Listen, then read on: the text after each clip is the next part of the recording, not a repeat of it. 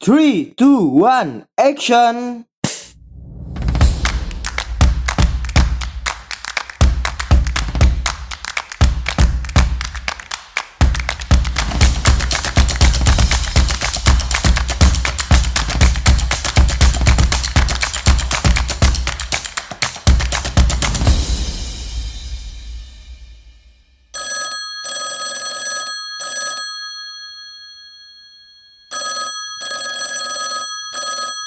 Halo, selamat datang kembali di Pod by MA, tentunya di program Anak Komunikasi.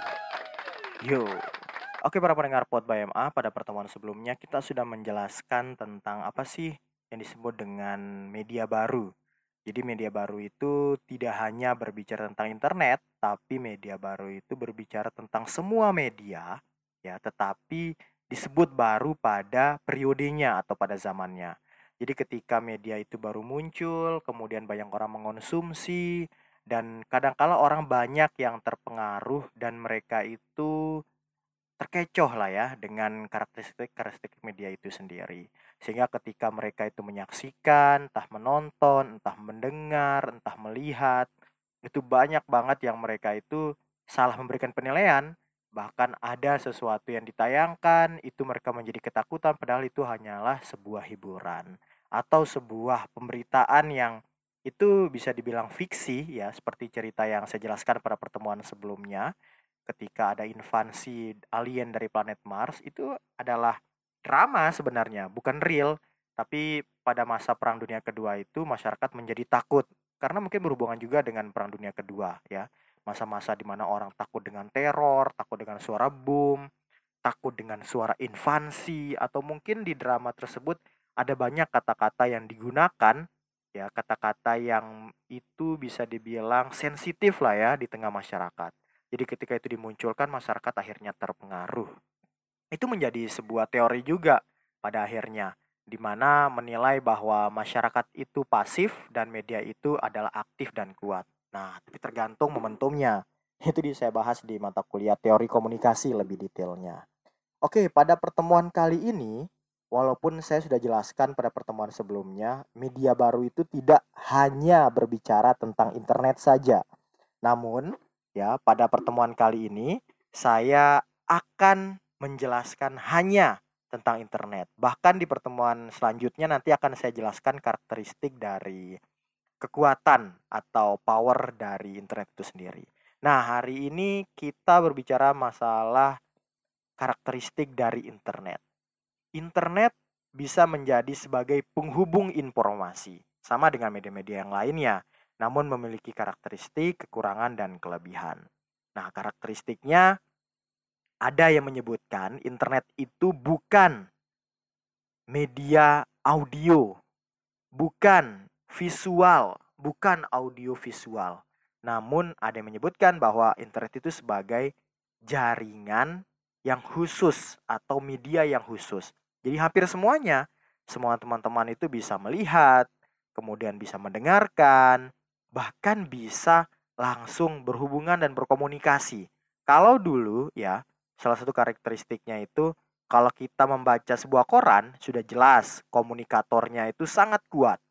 Ya, ketika dia ingin memberitakan sebuah informasi, wartawan itu ingin nulis apa pun, ya udah tinggal dikonsumsi aja oleh masyarakat.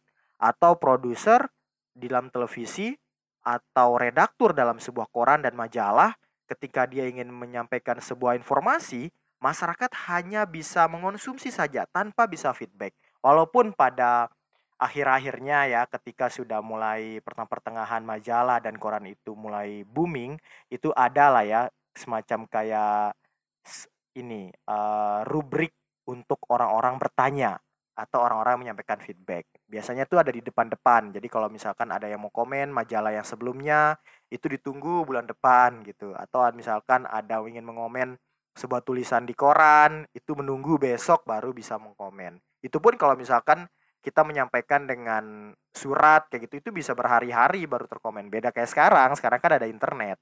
Jadi lebih mudah kita menyampaikan informasi langsung disampaikan di koran. Nah, bedanya saat ini komunikator dan komunikan menjadi bias. Udah jelas ya, kalau komunikator itu adalah pengirim pesan kepada komunikan. Kita beranggapan bahwa si pembuat pesannya itu adalah wartawan ya atau e, produser dan redaktur misalkan seperti itu. Dikonsumsi oleh halayak. Itu pada media konvensional seperti televisi, seperti radio, seperti koran, itu bisa berhari-hari feedbacknya. Bahkan mungkin nggak akan bisa di feedback. Orang nggak tahu kira-kira feedbacknya seperti apa bahkan feedbacknya itu itu juga dipilih-pilih oleh redakturnya apakah yang ingin diangkat apakah enggak misalkan dia terlalu frontal feedbacknya atau mengkritik sebuah berita bisa jadi itu nggak dimuat oleh redakturnya oleh wartawannya seperti itu nah tetapi ya pada saat ini dengan media internet salah satu karakteristiknya itu adalah ketika kita itu baru saja mengirimkan sebuah pesan ya itu bisa langsung dibalas, bisa langsung dikomen, bisa langsung di feedback oleh halayak. Contoh nih misalkan, kalau kita berbicara terkait pemerintahan dengan masyarakat. Udah jelas dulu komunikatornya itu pemerintah, komunikannya itu ya rakyat. Jadi ketika ada peraturan, ada kebijakan yang ingin dilakukan, ya udah ketika dibuat kebijakan peraturan, ya udah kita nggak bisa komentar banyak. Mungkin akan ada ya, ada demonstran besar-besaran gitu tapi itu bisa jadi nggak makan waktu yang sangat cepat, itu bisa berhari-hari. Bahkan ada pengumpulan massa, ada kita diskusi isu apa yang diangkat baru dimunculkan. Tetapi sekarang ya, presiden misalkan Pak Jokowi di Twitternya ya, atau ada beberapa menteri-menteri di Instagram kayak gitu, mengupload satu gambar atau status statement. Itu dalam hitungan detik itu bisa ribuan ratusan orang semuanya itu mengomentar. Nah sehingga itu salah satu yang harus dimiliki si komunikator dalam menggunakan media sosial. Yaitu feedbacknya sangat cepat. Jadi orang langsung mengomentari memberikan masukan memberikan penilaian bahkan mengkritisi dengan keras itu bisa langsung dengan sangat cepat sehingga kita juga harus memiliki mental yang besar juga itu salah satu karakteristiknya Nah, di mana disebutkan komunikator dan komunikan menjadi bias di situ. Komunikator pada masa lalu misalkan ya kita bicara masalah pemerintahan presiden contohnya. Kemudian komunikannya adalah rakyat.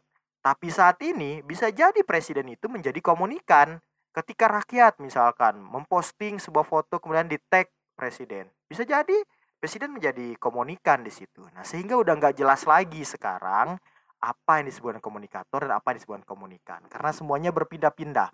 Ini menjadi menarik jika kita bahas pada pertemuan selanjutnya nanti ya tentang sebuah power yang hilang di media sosial. Itu akan lebih detail kita bahas pada pertemuan selanjutnya. Kemudian kelebihannya.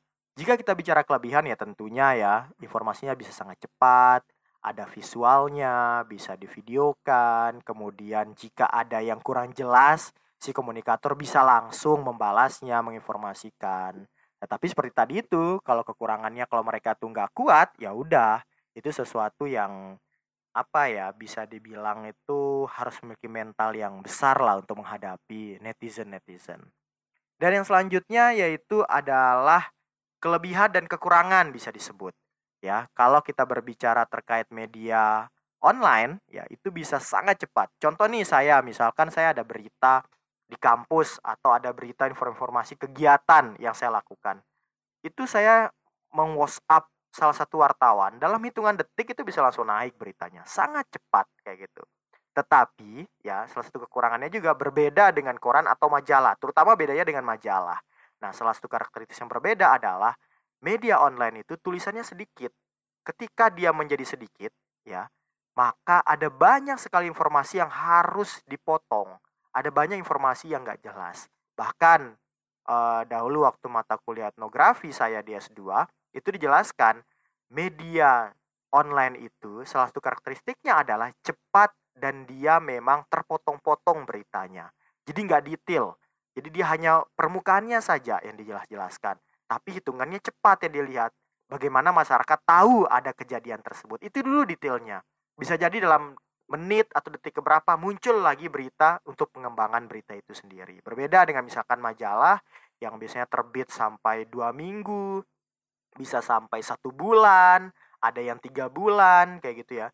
Itu bisa lebih dalam pembahasan-pembahasannya sehingga tidak ada lagi pertanyaan-pertanyaan hampir tidak ada ya untuk menambahkan kira-kira apa yang kurang untuk dibahas. Nah, kalau media sosial saat ini atau media online dengan kecepatan itu semua orang bisa langsung mengonsumsinya, tetapi kadangkala berita yang ditampilkan itu tidak maksimal atau tidak detail. Itu bisa dibilang kekurangan dan kelebihan. Nah, kemudian kita akan berbicara terkait power of internet. Nah, kalau tadi yang saya jelaskan tentang pertemuan sebelumnya kita membahaskan bagaimana kekuatan dalam internet. Nah, sekarang ini kita bicara masalah power of internet. Ada banyak sekali pembahasan-pembahasan terutama saya sudah merecord ya pembahasan pertemuan ke-7 dan ke-8 kalau tidak salah itu bagaimana membahas kekuatan internet uh, menjadi kekuatan yang sangat besar saat ini di zaman-zaman era teknologi yang berkembang. Nah, kalau saya di buku Komunikasi Politik 2.0 karya saya itu, saya menekankan bagaimana internet itu bisa mengubah persepsi, bisa mengubah pandangan, bisa mengubah keputusan bahkan dari sekelompok orang, individu maupun instansi. Contoh, ini kalau teman-teman yang SMA, SMP ya di masa-masa cicak versus buaya, KPK dan Polri ini mungkin uh, tidak asing ya. Jadi dianalogikan bahwa Polri itu adalah buayanya, kemudian KPK itu cicaknya. Seperti itu. Bagaimana sebenarnya ada banyak juga orang-orang yang di Polri itu bekerja di KPK juga sebagai penyidik seperti itu. Nah, di situ salah satu pimpinannya itu uh, memfonis, menganggap dan menilai bahwa salah satu pimpinan Polri, Polri itu ada yang korupsi. Sehingga waktu itu Polri nggak mau malu juga ya jadi memba jadi bahasanya tuh bukan membalas tapi ada fakta-fakta yang didapatkan bahwa pimpinan KPK juga ada yang melakukan kesalahan juga nah sehingga ini menjadi pertarungan ketika pimpinan KPK itu masuk dalam uh, meja hijau ada banyak sekali ratusan bahkan ribuan orang itu di internet menggalang sebuah semangat untuk mendukung KPK itu pimpinannya Nah, sehingga pada saat itu disiarkan, ada banyak sekali hampir semua media-media menulis buat petisi-petisi untuk diminta pimpinan KPK itu dilepaskan. Dan pada akhirnya waktu itu, ya ini nggak bisa dibilang efek langsung ya, tetapi dengan ada banyak sekali informasi yang dikonsumsi oleh masyarakat, semuanya mulai berbicara. Nah, pada akhirnya pimpinan KPK itu dilepaskan dengan beberapa pertimbangan. Saya menilainya di situ ada beberapa ini ya opini publik yang dibesar-besarkan dengan media sehingga akhirnya itu pun berpengaruh terhadap penilaian masyarakat terutama mungkin kalau misalkan itu tetap dijalankan uh, hukuman itu mungkin akan terjadi chaos di situ nah maka di sinilah dilihat kekuatan media itu sangat besar untuk membesarkan opini publik terutama ketika orang itu mulai banyak berkumpul membahas segala sesuatu dimunculkan di internet mengajak yang lain maka itu akan menjadi besar terutama kalau misalkan teman-teman mau nonton ya ada salah satu film Indonesia yang cukup menarik berhubungan dengan kekuatan internet yaitu Republik Twitter. Nah, coba kalau misalkan yang sudah nonton silakan bagaimana pandangannya. Kalau yang belum nonton silakan ditonton. Film Republik Twitter itu menurut saya cukup uh, menarik membicarakan bagaimana sebuah opini publik itu dibicarakan oleh Twitter. Itu kalau nggak salah masa-masa tahun saya S1 deh 2010 2011 sampai 2012 kayak gitu di mana waktu itu saya di Jogja itu Twitter menjadi salah satu kekuatan sangat besar. Sekarang tahun 2020 juga masih besar juga sih ya di ibu kota ibu kota. Dijelaskan bahwa bagaimana sebenarnya uh, media online itu berpengaruh untuk menggiring opini publik kemudian didiskusikan dan orang akhirnya fokus ke situ. Ya itu sama kayak teori agenda setting kalau dibahas di mata kuliah intermediate baru ini. Dan ada juga yang saya ambil itu power of internet ketika ISIS ya, ketika ISIS itu ingin menghukum, ingin membunuh korbannya gitu. Selalu yang terjadi dia dan disiarkan di internet ya.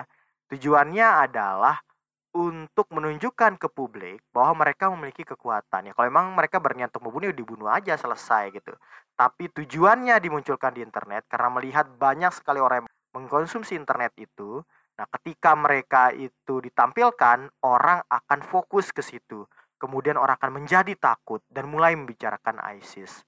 Nah dari situlah salah satu karakteristik dari media online itu juga bisa membesarkan sebuah isu dan berita.